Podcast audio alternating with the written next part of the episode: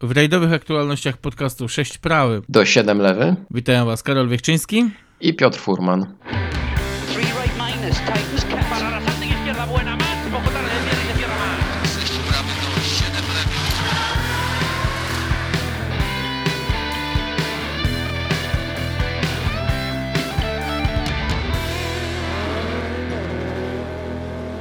Niezły Meksyk za nami. Wyrwałeś mi to z ust, ale ciężko e, podsumować ten rajd e, innymi słowami, to prawda? I to chyba jest najlepsze określenie tego zaskoczenia, jakim powitał nas tegoroczny sezon. No dobrze, trzeci rajd e, w tym sezonie, drugi start Sebastiana Ożie w tym sezonie, drugie zwycięstwo. No i tutaj ciśnie mi się na usta pytanie, czy decyzja o przerwaniu regularnych startów e, w Mistrzostwach Świata Sebastiana Ożie rzeczywiście była przemyślana.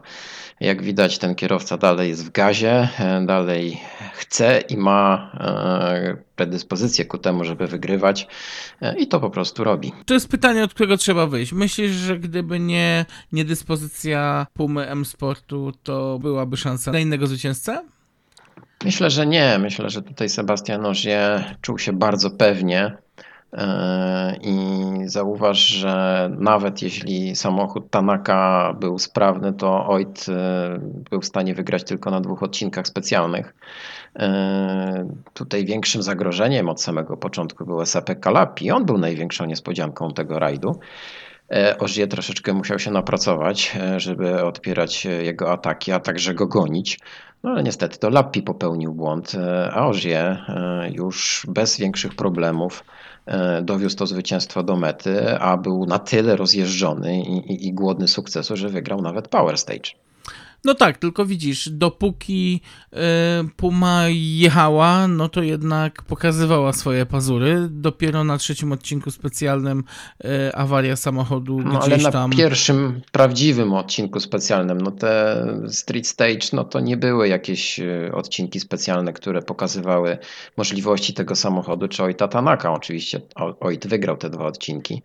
No ale okay, na tej okay. słynnej czekoladzie ale... właśnie Mhm, ale zastanawiam się, się, na ile to, to tak, na ile ta czekolada okazała się gorzka dla ojca i na ile mm, no, popsuła mu późniejszy plan na ściganie, no bo nie oszukujmy się, jeżeli dostajesz y, kilkanaście sekund, czy już tu wchodzimy w kary, znaczy w kary, w straty minutowe w plecy na skutek awarii samochodu, mm, no to później też wiadomo, że y, troszkę ten zapał do ścigania się gdzieś tam spada i zaczynasz jechać na dojechanie i zbieranie punktów, więc to tu, tutaj też się zastanawiam, na ile ja myślę... y, Tanak E, mógłby być szybszy.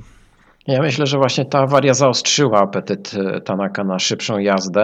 E, pokazał to na Power Stage'u drugi czas na ostatnim odcinku specjalnym, a właśnie zwycięstwo Ożiera na tym ostatnim odcinku specjalnym pokazało, że no, mamy tutaj do czynienia z kierowcą no, w pełni ukształtowanym oczywiście i żądnym kolejnych sukcesów. No, to widać po nim. No, on jest dysponowany rewelacyjnie w każdych warunkach, w dalszym ciągu i myślę, że jakby startował ten e, pełny sezon, miał pełny cykl zapewniony, to ta rywalizacja o tytuł byłaby e, bardziej smaczna.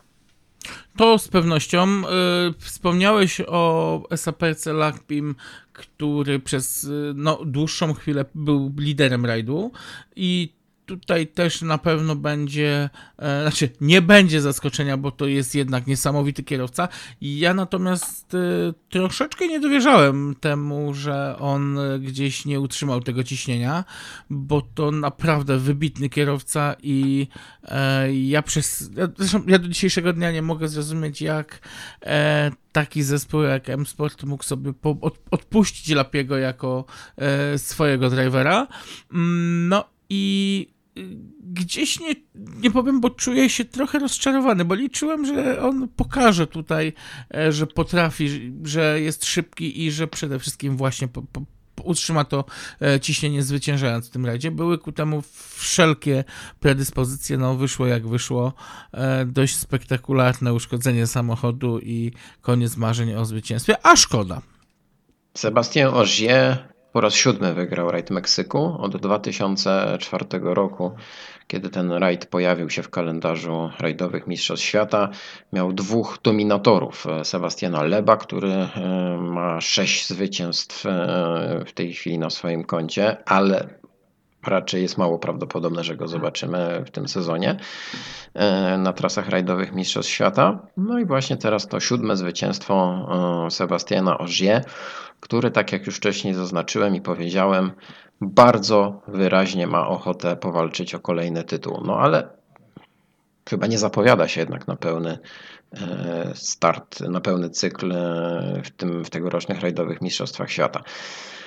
Nie wiem, chyba to nie jest dobry pomysł. Ciekaw jestem, e, co tam Sebastianowi Ozie w sercu gra, bo taki wynik chyba utwierdza go w przekonaniu, że dałby radę wyjąć kolejny tytuł Mistrza Świata i mm, no myślę, że on chyba gdzieś tam mocno rozpatruje wszelkie za i przeciw, żeby może jednak pojechać coś więcej. Jak ty ocenisz czwarte miejsce Kalerowan Perry? Czy to no jest właśnie. jakiś taki matowy występ tego zawodnika? Bo ja przyznam szczerze, trochę nie, nie, lubię używać słowa, że jestem rozczarowany, bo nie oszukujmy się, czwarte miejsce w klasyfikacji generalnej tuż za mm, Ozierem, Nevillem i y, Evansem, Evansem nie jest złe, ale z drugiej strony nie oszukujmy się, no jest to zawodnik, który chyba od Evansa jest troszeczkę szybszy. A ja uważam, że to jest bardzo złe miejsce, e, ponieważ Kalerowan Pera drugi rajd z rzędu kończy e, rywalizację poza podium. E, I coś się tutaj niedobrego dzieje. I teraz, czy to jest kwestia tej pozycji startowej, czy to jest jakaś zadyszka urzędującego mistrza świata? Ciężko powiedzieć. Mam nadzieję, że Kale nie stracił ochoty e, do szybkiej jazdy. E, a tutaj miał wyraźne problemy z nawiązaniem rywalizacji i walki o podium. Mało tego, Power Stage skończył też poza trójką. I to jest taki sygnał, że jest chyba coś nie tak. Mm, nie wiem, czy to jest kwestia opon, może źle dobierane opony były na tym rajdzie. Ponad prawie dwie minuty straty do zwycięstwa to jest bardzo dużo. E, a to automatycznie oczywiście to, że mówimy o Kale, no to odnosi się też do Sebastiana Ogier, który gdyby miał pełny sezon zapewniony, byłby na pewno jego największym rywalem w walce o tytuł Mistrza Świata. E, a szczerze powiedziawszy, bardzo by mi się podobało, gdyby właśnie tak doświadczony kierowca jak Ogier, posiadacz ośmiu tytułów Mistrza Świata, walczył z młodym, utalentowanym kierowcą, który dopiero wchodzi e, na ścieżkę zwycięstw, e, więc no nie wiem, no Kale trochę rozczarował. E, Kale rozczarował, z kolei In Plus zaskoczył Evans, chociaż też no, na ostatnim odcinku specjalnym stracił to drugie miejsce na rzecz e, Thierry Neville'a. No i tak, to na pewno duże zaskoczenie. To znaczy, mówię tutaj o, o, o w ogóle wbicie się w podium, bo nie dawałem mu przed rajdem jakichś większych szans na to. Neville dla mnie też jest dość dużą niespodzianką i to kierowca, który zwróć uwagę, trzeci rajd w sezonie, trzeci raz jest na pudle, e, tym razem oczko wyżej niż w Monte Carlo i w Szwecji. Mm, I ta taktyka też może y, przydać się w drugiej części sezonu, no bo y, w klasyfikacji punktowej y, tutaj nie ma tak dużych strat, no bo przypomnijmy, na pierwszym miejscu w tym momencie w dalszym ciągu jest Tanak z 41 punktami, drugi jest Rowan Pera i ma chyba 38 punktów e, i o 6 punktów mniej ma Neville, więc po trzech rajdach y, tutaj jeszcze wszystko może się wydarzyć. Mm, I mnie się wydaje, że ten sezon będzie tak trochę przebiegał, że ten Neville będzie się czaił w pierwszej, w pierwszej połowie sezonu gdzieś właśnie w okolicach trzeciego, czwartego miejsca. Natomiast jeżeli wszystko pójdzie dobrze, a Hyundai w dalszym ciągu bardzo mocno pracuje nad tym samochodem, bo to tajemnica Poliszynela, że e, tam są w tym momencie dość duże pieniądze pompowane, żeby to auto jeszcze było szybsze, to może być dużym zaskoczeniem w drugiej części sezonu e, szybkość właśnie Neville'a. Jak będzie, zobaczymy, natomiast e, dla mnie wynik Rowan Perry jest powodem do niepokoju dla e, samego Kale, żeby jednak tutaj skupić się na tym, że e, są szybsi I tutaj myślę, że nie będzie to wina samochodu, tylko będzie to wina zdecydowanie kierowcy. I teraz, czy to jest właśnie, tak jak wspomniałeś, taka zadyszka spowodowana gdzieś yy, niedyspozycją, czy, czy spo, tym, że Kale spoczął na laurach, tego nie wiem. No wszystko okaże się na e, Chorwacji, e, ponieważ e, tu będzie, będą wszystkie oczy zwrócone na Kale, ponieważ właśnie rajd Chorwacji padł, ubiegłoroczny rajd Chorwacji padł jego łupem, więc tutaj będą pewnie duże wymagania w stosunku do niego ze strony zespołu. E, no i ze strony jego samego, e, żeby powtórzyć ten sukces i nawiązać e, teraz do walki o tytuł Mistrza Świata. Na pewno to będzie ciekawy sezon. To wszystko właśnie tak wygląda, że po tych trzech rajdach mamy dosyć dużo E, zmian. Może nie na pierwszym miejscu jak na razie, e, ale, ale tam e, kotłuje się na tym podium i obyśmy Kale coraz częściej widzieli na tym podium, bo ja bardzo bym chciał, żeby on obronił ten tytuł, ale czas pokaże. Mm, na pewno nas czeka dużo, dużo ciekawych jeszcze e, wyników. Dramatyczny rajd dla M-Sportu. No. E, tutaj pierwszy Ford w klasyfikacji generalnej dopiero na dziewiątym miejscu e, i myślę, że no, Gdybyśmy byli złośliwi, to moglibyśmy powiedzieć, że wszystko wróciło do normy, ale, ale nie bądźmy aż tak podli dla tego zespołu. Jesteśmy na pewno no, może nie tyle fanami, co, co, co zwolennikami e, i kierowców i tego zespołu i bardzo chcie, chcemy, żeby Oit Tanak e, wygrywał w dalszym ciągu te rajdy, no ale rzeczywiście no nie wyszedł im ten rajd i e, bardzo szybko będą chcieli o nim zapomnieć. Jak skomentujesz występ Louis Lube? No, Dwa razy urwał koło, e, popełniał błędy. Jestem rozczarowany. Ja też tak ja patrzę na tych nowych, młodych kierowców zawsze przyjaznym okiem i bardzo chcę, żeby e, gdzieś nastąpił jakiś taki wystrzał e, talentu. No może nie na miarę Calero Van Pery, czy, czy, czy nawet Oliviera Solberga, który, o którym zaraz więcej powiemy w kwestii rywalizacji w WRC 2, e, ale chciałbym, żeby jeszcze któryś z takich młodych kierowców e, tam pod, podgryzał e, czołówkę regularną. No tu Lube niestety nie popisał się.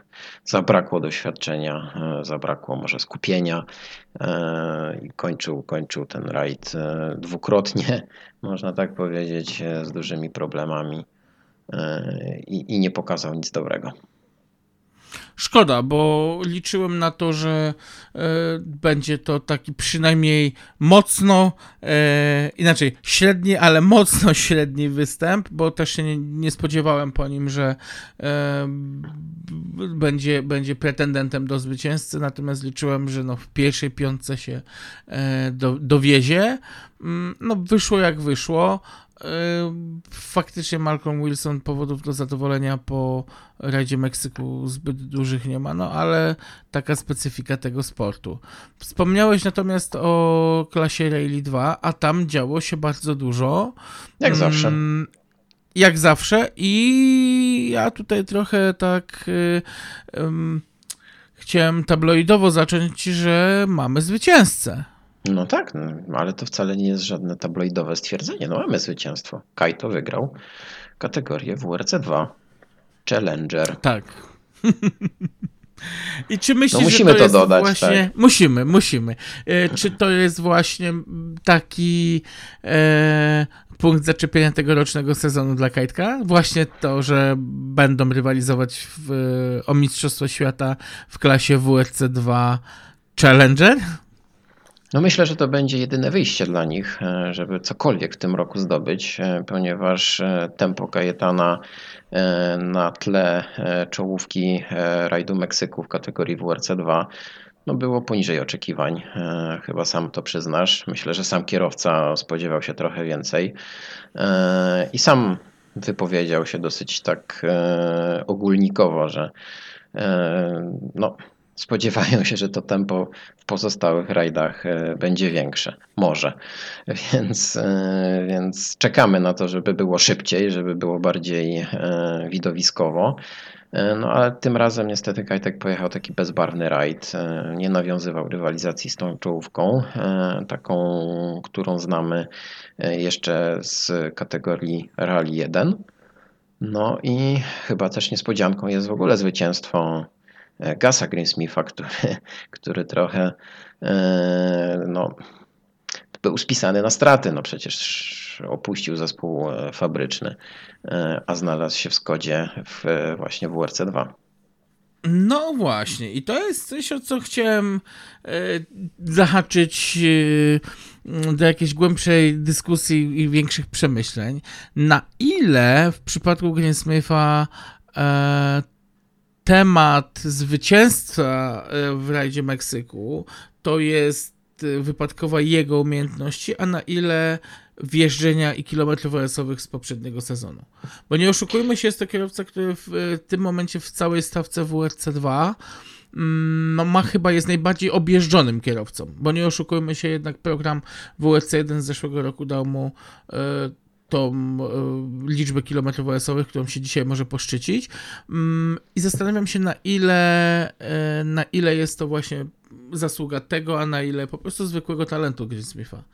Znaczy, no... Czy mówimy o talencie? No właśnie talent, myślę, że to bardziej Myślę, że to bardziej chodzi o to rozjeżdżenie, o którym e, powiedziałeś. Te kilometry nabite e, w samochodzie Rally 1 podczas rajdów, podczas testów e, swoje zrobiły. I to jest stara szkoła i stara prawda, tak jak to kiedyś Tommy McKinnon powiedział, zapytany na to, co trzeba zrobić, żeby być mistrzem świata. Tak? Trzeba jeździć, jeździć jeszcze raz jeździć. No i to jest rzeczywiście wymierny efekt przynoszą takie kilometry wyjeżdżania jeżdżone właśnie w poprzednich sezonach przez Greensmitha.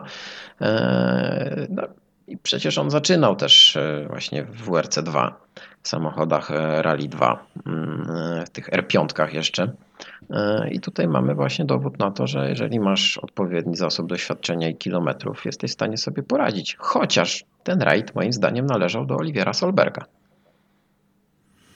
Mm, no ja tu no, będę, widzę, ja, że masz wątpliwości pewne. Ja tak, mam wątpliwości pewne, ale to będzie wynikać w mojej ocenie z jednego prostego faktu, że y, no, na całokształt jego um, występu jednak stało się to, że y, przyjechał trzeci. E, I no, przyjechał ja trzeci, wiem, no ja wiem. Stracił ja ponad rozumiem. minutę z powodu kapcia, tak? A zajmował, zajął trzecie miejsce z niespełna 50-sekundową stratą do Greensmitha. Więc oczywiście to nie umniejsza e, zwycięstwu Greensmitha, ponieważ to byłaby dosyć zacięta rywalizacja do samego końca. Ale ja tylko przypomnę, że właśnie podczas ostatniego etapu na odcinku specjalnym Otates e, Oliver Solberg e, wygrał ten odcinek e, z następnym zawodnikiem WRC 2 prawie 30 sekund e, awansując ostatecznie na te trzecie miejsce e, i, i, i, i kończąc rajd na trzecim miejscu w WRC2, więc to jest naprawdę bardzo e, też no, szybka, skuteczna jazda poparta właśnie doświadczeniem z poprzednich sezonów. Tylko znowu z kolei powstaje tutaj pytanie, na ile była to zasługa tego, że mógł sobie na to pozwolić, bo de facto nie miał już nic do stracenia i po prostu jedziemy maksimum atak, czy mm, jest to znowu pokłosie regularnej jazdy stałym swoim tempem, bo ja zaczynam odnosić wrażenie odnośnie Solberga, że to jest kierowca, który jest niesamowicie, inaczej, który potrafi być niesamowicie szybki, ale Kiedy też goni. potrafi całą tą tak, i pot, a jednocześnie potrafi mhm. y, całą przewagę, którą ma gdzieś wypracowaną, w bardzo głupi sposób stracić. Też czy swoim błędem, czy, czy, czy mając pecha, tak jak okej, okay. Ktoś kiedyś powiedział, że w przypadku kapci w motorsporcie to nie jest tylko pech, to jest też kwestia jakiegoś analitycznego myślenia, jak pokonać zakręt, jak najechać na głupią pryzmę kamieni podczas y, pokonywania, nie wiem, zakrętu w radzie szutrowym, żeby tego koła nie narażać na uszkodzenie. I w przypadku y, Solberga ja czasem odnoszę wrażenie, że tam gdzieś brakuje właśnie tego takiego wykończenia w tym jego rajdowym szlifie, mm, żeby był takim kierowcą, który potrafi jeździć bardzo regularnie i potrafi, bo to, że on jest szybki, to ja nie, nie, nie wątpię, tylko on po prostu zwyczajnie nie potrafi tej, e, tej, tej szybkości utrzymać e, względem, względem całego rajdu. No, myślę, że właśnie tutaj polega albo sukces, e, w tym tkwi sukces Solberga, albo właśnie e, problem, bo jeżeli on lubi gonić i wtedy się motywuje, e, no to jest w stanie wykrzesać siebie no, najwięcej Dużo więcej, i, tak. i, Mhm. i największe swoje możliwości e, uruchomić. E, ja ciągle wierzę w to, że ten sezon WRC2 e, ostudzi trochę jego głowę, doda mu doświadczenia i wróci e, do najwyższej kategorii. Nie wiadomo jeszcze jaka to będzie, czy Rally 1, czy WRC, czy jak to jeszcze FIA to nazwie, e, ale rzeczywiście e, jest to kierowca, który jest potrzebny tam właśnie na samym szczycie.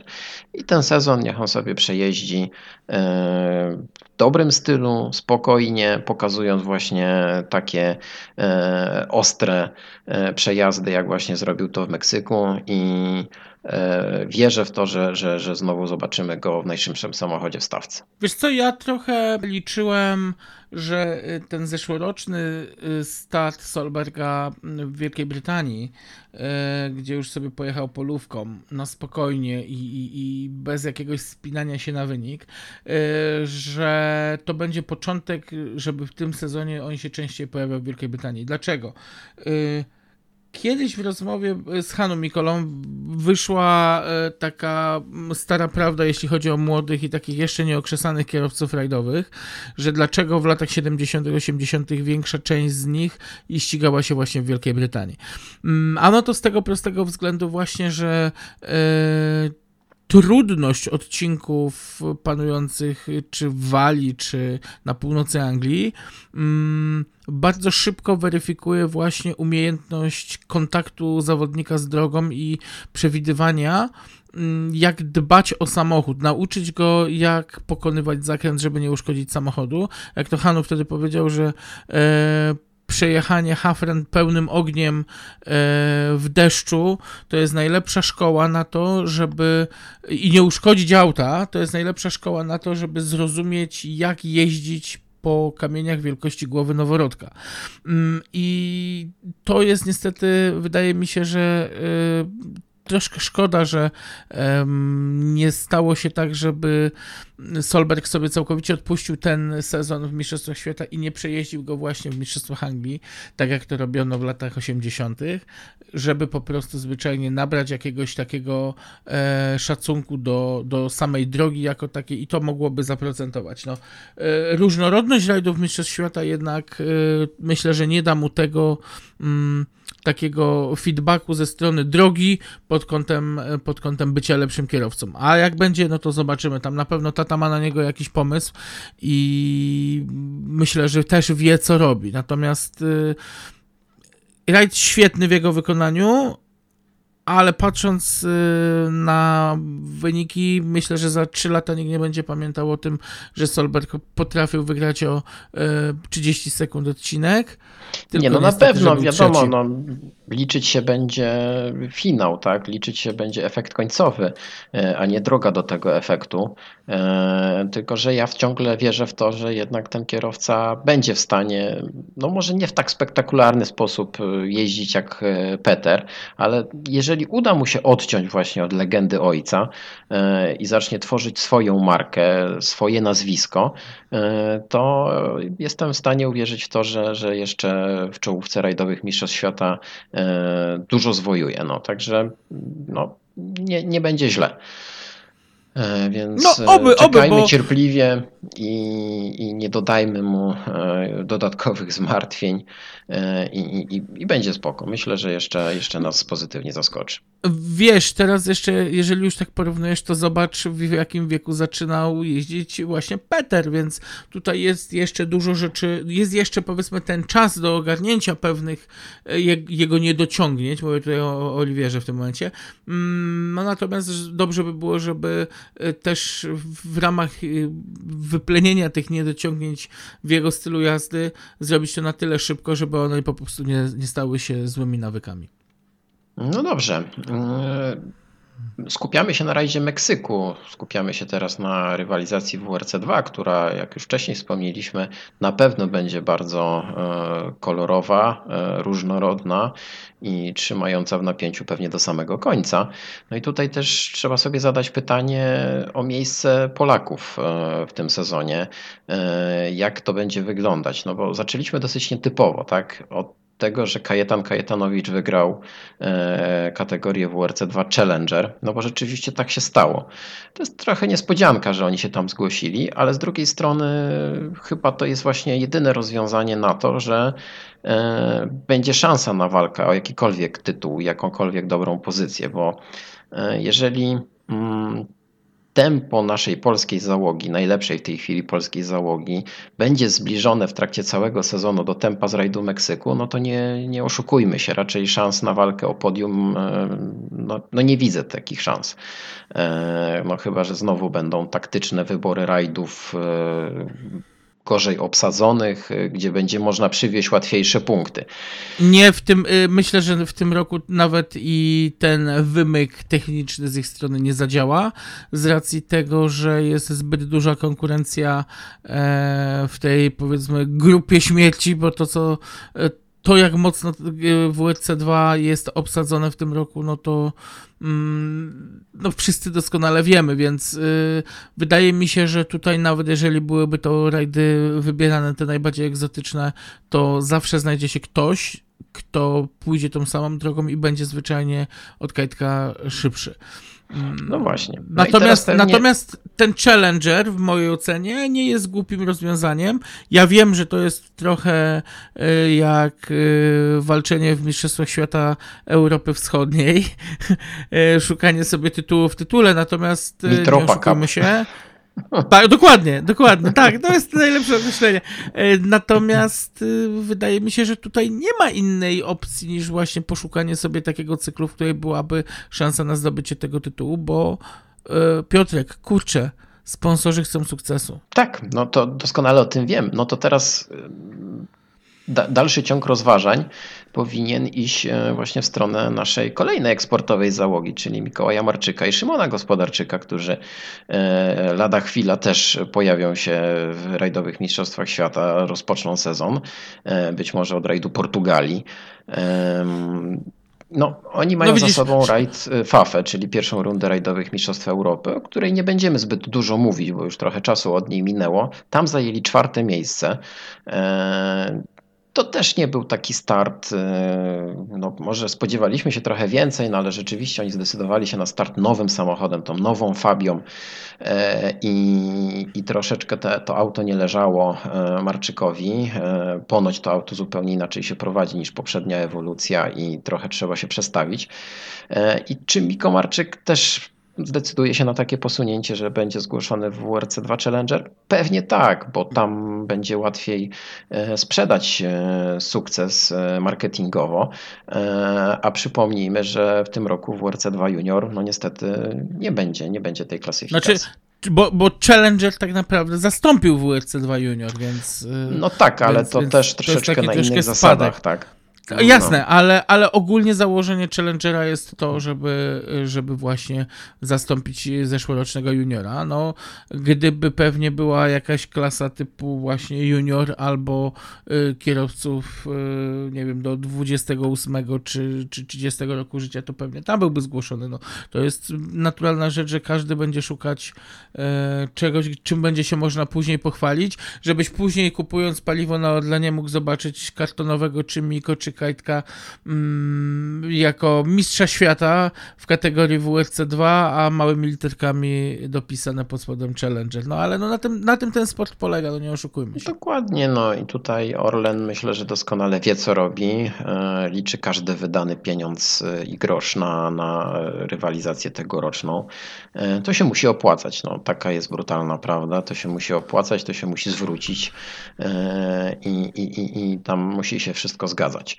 No tak, sprawa, ale jednocześnie, ale, jed, ale jednocześnie wspomniałeś o Orlenie, ja tutaj też tak chciałem troszeczkę e, podryfować e, na temat samego działania marketingowego koncernu, którego ja szczerze mówiąc za Chiny ludowe nie rozumiem. W tym momencie w rajdowych mistrzostwach świata mamy trzech zawodników, którzy są finansowani przez Orlen, więc aż ciśnie mi się na usta pytanie, czy to jest w ramach jednego zespołu, czy to jest w dalszym ciągu projekt pod tytułem Orlen Team, czy to jest finansowanie każdego z zawodników osobno. Wygląda to co najmniej dziwnie, jeżeli mamy. Tak, jeżeli nawet, mamy, mamy, mamy no. no. Mamy trzech kierowców, tak, mamy trzech no kierowców, tak. no bo jeszcze mamy przecież Martina Prokopa, e, który, który też e, startuje w kategorii WRC 2. W zasadzie nawet w tym WRC 2 Challenger może w tym roku będziemy mieli taki wewnętrzny puchar Orlenu i, i będą rywalizować między sobą kierowcy e, tego teamu. No, no rzeczywiście, ta polityka jest e, może nie do końca zrozumiała, ale jak e, coś jest bez sensu, a działa, to znaczy, że, że ma sens. No i, i może na tej, na tej zasadzie to właśnie ma się odbywać. E, no będzie, będzie na pewno to ciekawy sezon w tym WRC 2. To będzie tak nakręcało pewnie rywalizację. Ja tak po cichu jednak wierzę, że w ogóle ta klasa WRC2, samochody oparte o regulaminie tej klasy e, jednak będą główną, główną taką klasą rywalizującą w rajdowych mistrzostwach świata, ponieważ e, to jest temat oczywiście na e, inną rozmowę, ale jakoś nie widzę w tej chwili tego, żeby te hybrydy chciały jakoś ożywić rywalizację i przyciągnąć innych producentów. Ja nie widzę przyszłości tego sportu, jeżeli będziemy mieć jeszcze jeden sezon z tymi samymi trzema zespołami i, i w dalszym ciągu będzie brakowało jakiegoś tu e, życia w tej królewskiej klasie. E, z drugiej strony też nie oszukujmy się, w tym momencie przy trzech producentach jest tak mało miejsca dla jakiejkolwiek rywalizacji i rozwoju tych młodszych zawodników, żeby mieli motywację do, do ścigania się i do przejścia do WRC 1 i możliwości w ogóle przejścia do WRC 1 i to jest smutne. Wiesz, aż ciśnie na usta e, takie stwierdzenie, że ten sezon doskonale pokazuje, jak bardzo mocno rajdy umierają i um, tak, to ja nie bardzo, nie bardzo wie, co z tym zrobić, e, ponieważ ja tylko przypomnę z historii takie wydarzenia, że kiedy w 1996 roku zostało trzech producentów rajdowych w Mistrzostwach Świata, ogłoszono alarm, e, że jest bardzo źle. E, natychmiast dopuszczono do startów samochody WRC, które oczywiście na kilka sezonów mocno ożywiły rywalizację. Potem mieliśmy kolejny kryzys, kiedy wycofał się koncern PSA i, i, i nie było Citroena fabrycznego E, i, i Peugeota e, w rajdowych mistrzostwach świata. Potworzono natychmiast e, dużo takich dodatkowych semifabrycznych zespołów, które rywalizowały też w punktacji producentów, gdzie no, nomen omen mieliśmy wtedy tylko dwóch producentów, bo Forda i Citroena. A teraz tak naprawdę FIA nie ma żadnego pomysłu. Oni tak zachowują się trochę jak dziecko we mgle, nie wiedzą w którą stronę iść. E, myślę, że w ogóle też e, objęcie prezydentury FIA przez Mohameda bin Sulayema e, też tutaj zbyt dużo nie zmieni, szczególnie, że ostatnio on ma dosyć prywatną tragedię do przeżycia. Zginął jego syn w wypadku samochodowym. Nie wiem, w którą, w którą to stronę pójdzie. Obawiam się, że na razie rewolucji nie ma co się spodziewać.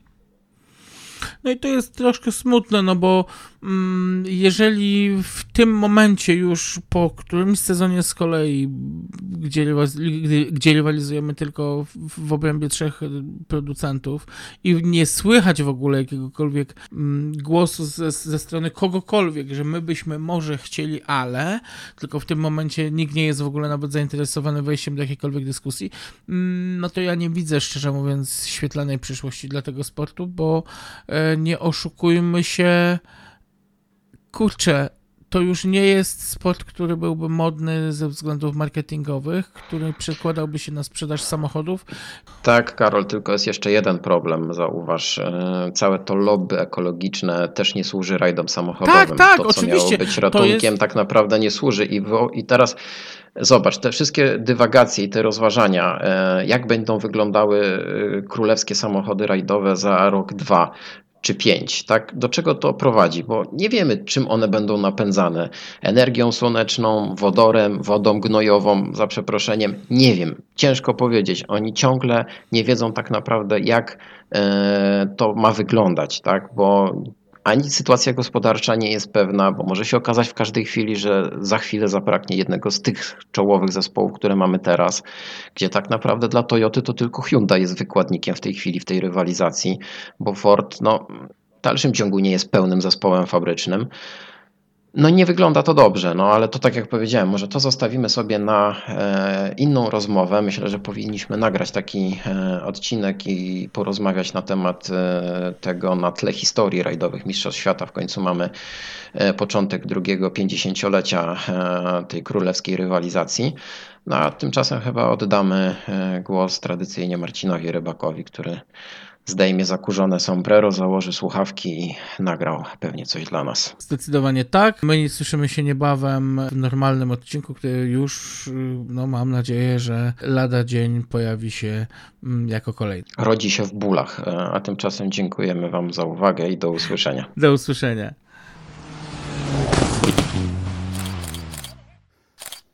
Cześć, witam Was serdecznie z chwilę temu zakończonego rajdu Meksyku, e, trzeciej rundy tegorocznego cyklu Mistrzostw Świata. Rajdu, na który chyba każdy z nas czekał 3 lata. Moje poprzednia, moja poprzednia wizyta w Meksyku, e, tak jak każdego zresztą z nas, zakończyła się niezłymi turbulencjami, bo okazało się, że mm, pandemia uderza ze zdwojoną siłą. E, Ameryka zamknęła granice, część ludzi nie miała jak wrócić do domu, ja wracałem prawie dwie doby, e, no generalnie było wesoło. Co nie zmienia faktu, że rajd Meksyku od zawsze, od e, momentu kiedy pojechałem tam po raz pierwszy 15 lat temu, zawsze był jednym z najważniejszych punktów sezonu. Jest na pewno najbardziej kolorowym rajdem i wraz z Argentyną był rajdem, na którym kibice i ludzie zaangażowani w tworzenie tego przedsięwzięcia byli najbardziej e, zarażeni pasją, najbardziej zmotywowani i najbardziej chyba chętni do, do współpracy, zwłaszcza z osobami, które przyjeżdżały z daleka. E, tak było w tym roku. Mm, co prawda trasa wytyczona niemalże bez zmian w stosunku do lat poprzednich. Doszedł odcinek Las Dunas, czyli odcinek w takim wyrobisku żwirowni, który był użyty w zeszłym roku w rajdzie kandydackim e, jako przetarcie po, po okresie pandemii. Świetny pomysł, prawdziwy odcinek, bo nawierzchnia stricte szutrowa w niesamowitym krajobrazie, bardzo zróżnicowany mm, pod względem e, estetyki, zaczynający się totalnie nigdzie, gdzieś w polu, nagle wpadający do tej żwirowni, piękne ostańce takie z piaskowca, naprawdę fantastyczne miejsce bardzo łatwe do dojazdu tuż przy głównej drodze, bardzo łatwe do oglądania, dosłownie dowolna ilość miejsc e, dla kibiców. No i przede wszystkim fajne jest to, że odcinek zupełnie za darmo z e, jakimiś tam strefami VIP, gdzie można było sobie oczywiście kupić jakieś dodatkowe historie, ale to jest kierunek, w którym rajdy powinny zmierzać. Nie płatne odcinki typu Mickey Mouse na stadionie, nie jakieś e, kręcioły gdzieś po, po mieście, Fajne venue, niedaleko głównej drogi, tak jak powiedziałem, paręnaście minut dosłownie jazdy od centrum Leon. Świetny pomysł, także ja od razu od tego zaczynam, ponieważ dla mnie e, rozegranie tego odcinka czterokrotnie było absolutnie mm, świetnym pomysłem i każda z moich trzech tam wizyt była, była naprawdę wynagrodzona świetnymi zdjęciami. E, jeśli chodzi o sam rajd, e, trasa, tak jak powiedziałem, w większości dobrze znana. E, konfiguracje odcinków Ibaria, Otates, El Chocolate, Las Minas, Guanajuato. Te wszystkie drogi dobrze znamy. Jedne odcinki lekko poskracane, drugie powydłużane, gdzieś jakieś pododawane łączniki. Tak czy inaczej, trasa mimo że znana, trasa bardzo wymagająca. W tym roku, mm, po trzech latach nieobecności, organizatorzy zdecydowali się na e, wyrównanie, na nadanie wielu fragmentom nowej nawierzchni, e, co spowodowało, że część odcinków stała się dużo bardziej śliska niż do tej pory, mm, a jednocześnie dużo bardziej wymagająca z powodu tego, że trzeba było naprawdę opisać ten rajd niemalże jak nowe przedsięwzięcie i notatki z lat poprzednich mogły bardzo, bardzo mocno namieszać w głowach e, kierowców. E, niemniej jednak e, format znany, mm, jak zwykle tłumy ludzi w, przy odcinkach, tłumy ludzi na sekcjach dojazdowych, co jest też bardzo charakterystyczne dla tego rajdu, że rajd, który przejeżdża przez wioskę, właściwie ludzie, którzy w tej wiosce mieszkają, wylegają na ulicę, dzieciaki z flagami, dorośli, cieszący się, bawiący. E, atmosfera, której ze świecą szukać e, w Europie, to świadczy tylko o tym, że jednak pasja, mm, pasja po tamtej stronie Atlantyku jest naprawdę spora i, e, i można się tylko cieszyć, że ten rajd wrócił. Ja osobiście czekam jeszcze na Argentynę i będę miał wtedy kompletny sezon z moimi dwoma ulubionymi eventami. Jeśli chodzi o sam rajd sportowo, mm, przed rajdem były tak naprawdę tylko trzy pytania. Po pierwsze, czy Sepo Żyje jest w stanie wygrać ten rajd po raz siódmy? Odpowiedź jest bardzo prosta, tak wygrał, e, nie pozostawiając za bardzo mm, miejsca na jakąś, e, na jakąś dyskusję. Był ewidentnie ultra szybki, wygrywał odcinki, e, tam gdzie nie wygrywał, tam utrzymywał bezpieczną przewagę nad bezpośrednimi konkurentami. No i tak naprawdę to, to to zwycięstwo jest absolutnie zasłużone, a dodatkowe 5 punktów za Power Stage to jest w ogóle już wisienka na torcie, coś co widzieliśmy w zeszłym roku wielokrotnie w wykonaniu Harry, yy, przepraszam. Eee, no, pełna dominacja od A do Z. Chociaż przyznam szczerze, że postawa SAP Kilapiego absolutnie wybitny początek e, rajdu. E, oczywiście korzystna pozycja na drodze mm, i, umiejętność wykorzystania tej pozycji na drodze były dodatkowym atutem, natomiast SAPK pojechał fantastycznie. Patrząc na to z samych odcinków, a miałem okazję go w piątek widzieć e, trzykrotnie, e, no przyznam szczerze, że robiło to mega wrażenie. Widać było, że to była szybka jazda, nie tak nerwowa jak Thierry Neville. No i przyznam, że liczyłem po cichu, że jednak Seb będzie miał dużą, duży kłopot z objechaniem SAPki. Stało się inaczej niestety w, w sobotę rano lekka przygoda, e, owocująca tym, że już na pierwszej pętli, mm, na drugim odcinku, przepraszam, na pierwszym odcinku e, na Ibarii e, SAPK zakończył jazdę, dodatkowo jeszcze zablokował odcinek, co skutkowało tym, że tak naprawdę mm, dla mnie oglądanie pełnej stawki zaczęło się od godziny mniej więcej 15 dopiero, co patrząc na mm, mój obowiązek wykonania zdjęć dla, dla klientów no nie było dosyć e, komfortową sytuacją, ponieważ ja tak naprawdę zarówno Kaito, jak i, jak i zawodników, których miałem obsługiwać, czy to Lindholm, czy, czy Chwist, no niestety ja mogłem równie dobrze zostać w łóżku do południa i, i niewiele by to zmieniło.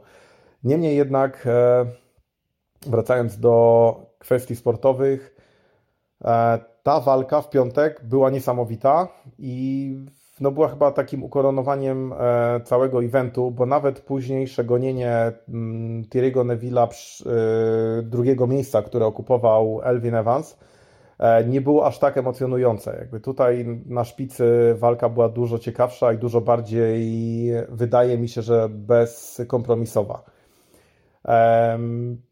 Przygody w piątek już rano zanotował cały zespół M-Sportu, co było o tyle, może nie tyle dziwne, ale było o tyle um, zaskakujące, że praktycznie na jednym odcinku cały zespół M-Sportu e, pogrzebał szansę na jakiekolwiek dobre punkty, jakiekolwiek dobre miejsca, bo zarówno e, Pierre-Louis Lubé, jak i Jordan Serdelidis mieli przygody e, po własnych błędach.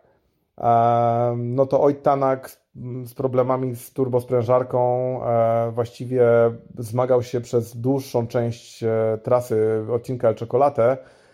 No i strata tam w granicach 8 czy 9 minut właściwie zamiotła mu mm, cały rajd e, z perspektywy osoby, która pretendowała ewidentnie do miejsca na podium, bo uważam, że Oit w tych warunkach mimo że był pierwszy na trasie, miał szansę wbić się, no przynajmniej w okolice podium, a uważam, że takie trzecie miejsce nie byłoby nieosiągalne.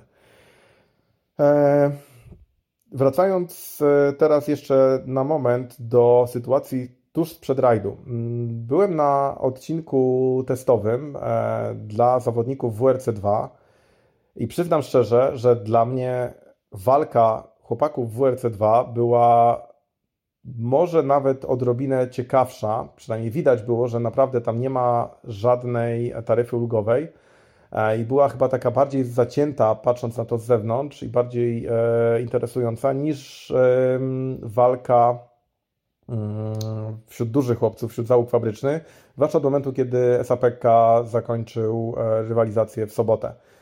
E, mieliśmy tym razem e, Gasa Greensmitha, mieliśmy, e, mieliśmy Griazina, mieliśmy Lindholma, e, mieliśmy Olivera Solberga, był Kaito. E, I choć Kaito m, mm, chyba od początku można było zakładać, że nie włączy się w walkę o podium przy takich nazwiskach, to jednak podjęcie rękawicy m, mm, w walce z zawodnikami bądź co bądź wspieranymi przez fabrykę, dlatego że zarówno Gas Greensmith, facet, który wysiadł po trzech sezonach z auta WRC, to nie jest tak, że on nie radząc sobie w WRC, nie walcząc o czołowe pozycje, nagle, nie wiem, przestał umieć jeździć. To jest gość, który naprawdę ogarnia kierownicę i to był gość, z którym trzeba było się liczyć, bo inaczej świadczyłoby to o tym, że e, nie do końca wiemy, na czym polega jeżdżenie w fabryce. E, Emil Lindholm, mistrz świata z zeszłego sezonu WRC2, zasłużony mistrz świata, to muszę przyznać. Do tego Oliver Solberg, będący naprawdę w gazie w tej chwili, pokazujący na każdym evencie super prędkość. E, do tego Griazin, który zawsze mm, jest skłonny pokazać jakąś niebotyczną prędkość, o ile gdzieś nie, nie walnie. Więc Kaito naprawdę tym razem, mimo niewielkiej liczby nazwisk, miał trudny orzech do zgryzienia, bo to, e, z kim się miał mierzyć, mm, gwarantowało bardzo, bardzo wysoki poziom. E, I tak właśnie było. Gus Greensmith obronił pierwsze miejsce. Super, bo ten gość zasługuje na to, żeby otrzymać drugą szansę, mimo że dość duża fala hejtu się na niego wylewała, kiedy jeździł jako załoga fabryczna w M-Sporcie. E, jest to gość, który naprawdę potrafi jeździć i fajnie się go ogląda. Mm, ze Skodą dogadał się bardzo szybko. Toksport podstawił mu auto świetnie przygotowane, bardzo konkurencyjne. E, I ta walka tutaj właściwie z Oliverem Solbergiem była takim no, dużym, dużym klejnotem tego rajdu. E, Oliver tak naprawdę przegrał z Gasem głównie mm, przygodą e, w postaci kapcia, mm, bo sama prędkość na odcinkach myślę, że pozwoliłaby mu wygrać. Niemniej jednak wyniki liczą się na mecie i zwycięstwo Gasa na pewno odrobinę go uskrzydli, poza tym też podniesie morale i ja naprawdę nie mogę się doczekać na kolejne starcie chłopaków w tej niższej klasie, bo tam zaczyna być, no już mówiąc o tym, że walka na dziesiąte części sekundy to jest e, odrobinę mało, e, jeśli chodzi o określenie, jak bardzo zacięta jest ta rywalizacja. Spotkałem się z opiniami, że Kaito mógł pojechać więcej, mógł pojechać szybciej. Tak, ale również mógł pojechać bardziej agresywnie, bardziej odważnie i tego rajdu nie skończyć. W zeszłym roku jadąc teoretycznie z dużo słabszą konkurencją. Wystarczyło, że auto nie zagrało na czterech cylindrach i problemy z silnikiem przez półtora dnia spowodowały, że to było raptem trzecie miejsce. Tym razem czwarte miejsce uważam, że jest miejscem aż, ponieważ e, no naprawdę chłopaki z przodu nie brali jeńców i to nie była walka, to nie była równa walka, o może tak, tak to nazwijmy. E, gdyby Kaito miał odrobinę więcej obycia na tym szutrze, gdyby w ogóle jeździł więcej, a nie kilkugodzinne testy tuż przed rajdem, e, myślę, że spokojnie można byłoby liczyć na odrobinę szybszą jazdę. Ważne są punkty za czwarte miejsce, zwycięstwo w kategorii Challenger, to też się będzie liczyło na koniec sezonu, także nie ma co, e, nie ma co narzekać. Daniel Kwist z Kamilem Hellerem pojechali swoje, pojechali taki Gentleman Drivers Cup super, fajnie, fajnie się ogląda chłopaków, którzy jadą dla siebie, dla zabawy, uśmiechają się, wysiadają z auta, są zadowoleni, ludzie reagują na nich bardzo pozytywnie. E, naprawdę o to chodzi w rajdach e, również, że jeżeli nie chcemy się włączać w walkę o zwycięstwo, to miejmy fan dla siebie, a nie próbujmy dorabiać do tego jakąś teorię, że przez teorię spiskową dziejów coś nam nie poszło. E, teraz jeszcze tak pokrótce analizując występy mm, załóg fabrycznych. Na pewno in minus e, mimo wszystko występ e, Daniego Sordo. Ze świetną pozycją na drodze naprawdę liczyłem, że to będzie spokojnie walka o top 3.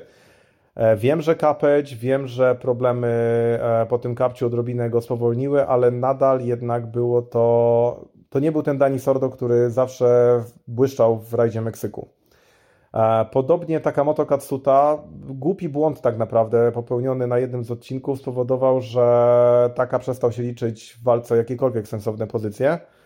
Chociaż tak naprawdę na koniec rajdu również e, przygody jego konkurentów spowodowały, że był w stanie wywieźć jakieś w miarę sensowne punkty.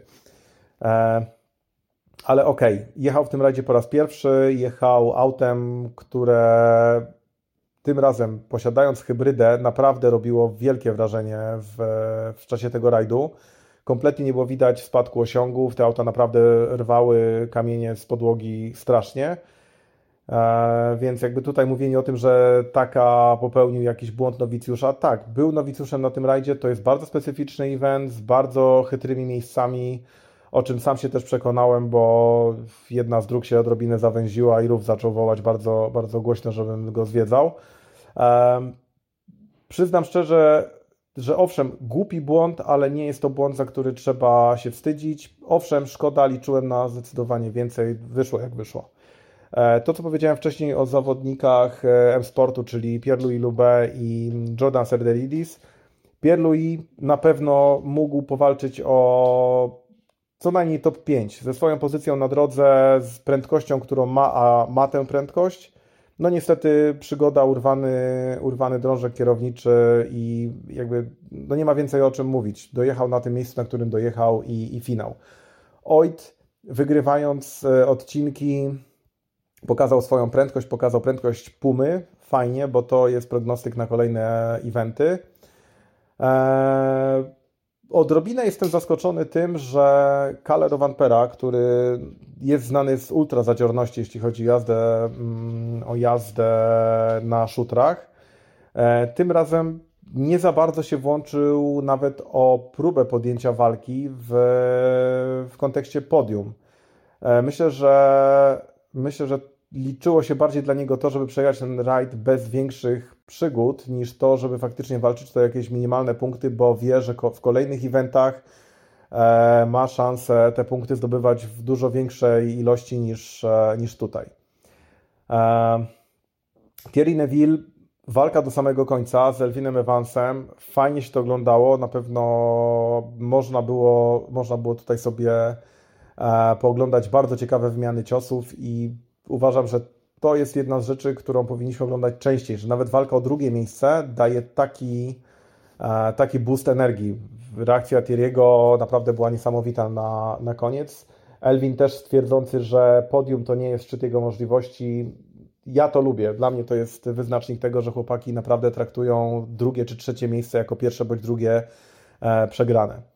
E, Sepo żyje, tak jak powiedziałem, pojechał swój rajd i, i, zrobił to, co do niego należało, bo tak naprawdę on tylko mógł przegrać sam ze sobą, chociaż tak jak wcześniej wspomniałem, SAPK naciskał bardzo mocno, no ale skończyło się jak skończyło. E, rajd mega, naprawdę mega fajnie, że wrócił do kalendarza. Potrzebujemy takich eventów, potrzebujemy eventów organizowanych przez ludzi z pasją, zorganizowanych dla nas, dla kibiców, dla mediów, dla przedstawicieli zespołów. E, po trzech latach powrót na stare śmieci, bo tak naprawdę i baza ta sama, i miasto mm, gospodarza to, to samo, e, odcinki te same. E, ja mam wrażenie, że byliśmy tam oczekiwani. Mm, rzecz, której się nie spotyka aż tak bardzo w Europie. Może wyjątkiem jest, nie wiem, Finlandia, może wyjątkiem też być Hiszpania, ale porównując to z takimi eventami jak i Szwecja jeszcze, przepraszam, bo w Szwecji też jesteśmy bardzo mile widziani, ale porównując z takimi eventami jak na przykład Ride Monte Carlo, gdzie większość osób, która jest w to zaangażowana, traktuje swoją pracę i to, że ktoś do nich przyjeżdża jako jakąś karę chyba. No ja przyznam szczerze, że po trzech latach nie, nieobecności w Meksyku widzę, jak bardzo tego rajdu brakowało. Potrzebujemy takich imprez, potrzebujemy takiego formatu. No i niestety e, promotor nam serwuje imprezy typu Ride Łotwy, który jak się okazuje w przyszłym roku dołączy do kalendarza, zastępując prawdopodobnie Estonię, która też jest miastem, e, która też jest gospodarzem ze swoim miastem e, Tartu, które, które gości nas już od wielu lat. Też jest miejscem, do którego wraca się z przyjemnością. E, życzyłbym sobie, żeby Lipaja też była tego typu. Moje ostatnie wspomnienia z Lipai z Mistrzostw Europy były mocno takie sobie, także nie wiem w jakim kierunku to zmierza. E, natomiast wiem jedno, jeżeli kiedykolwiek się zastanawialiście nad tym, czy pojechać do Meksyku i czy warte jest to wydania w sumie niemałych pieniędzy, to powiem wprost.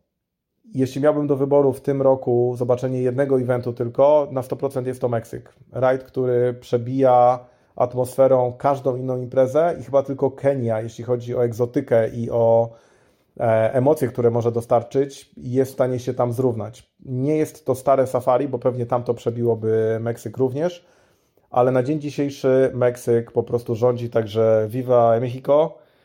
E, no i tyle. Widzimy się, słyszymy się za parę tygodni. Chorwacja już tuż, tuż. E, w międzyczasie jeszcze jakieś tam małe eventy. Zobaczymy, jak to się poukłada. E, ja póki co mam uśmiech na, na twarzy, mogąc jeszcze poobrabiać końcówkę zdjęć z Meksyku. No i tak naprawdę zaczynam odliczać czas do kolejnego, kolejnego rajdu. I będzie to już 20 edycja. Myślę, że będzie fajnie. Three right minus, Titans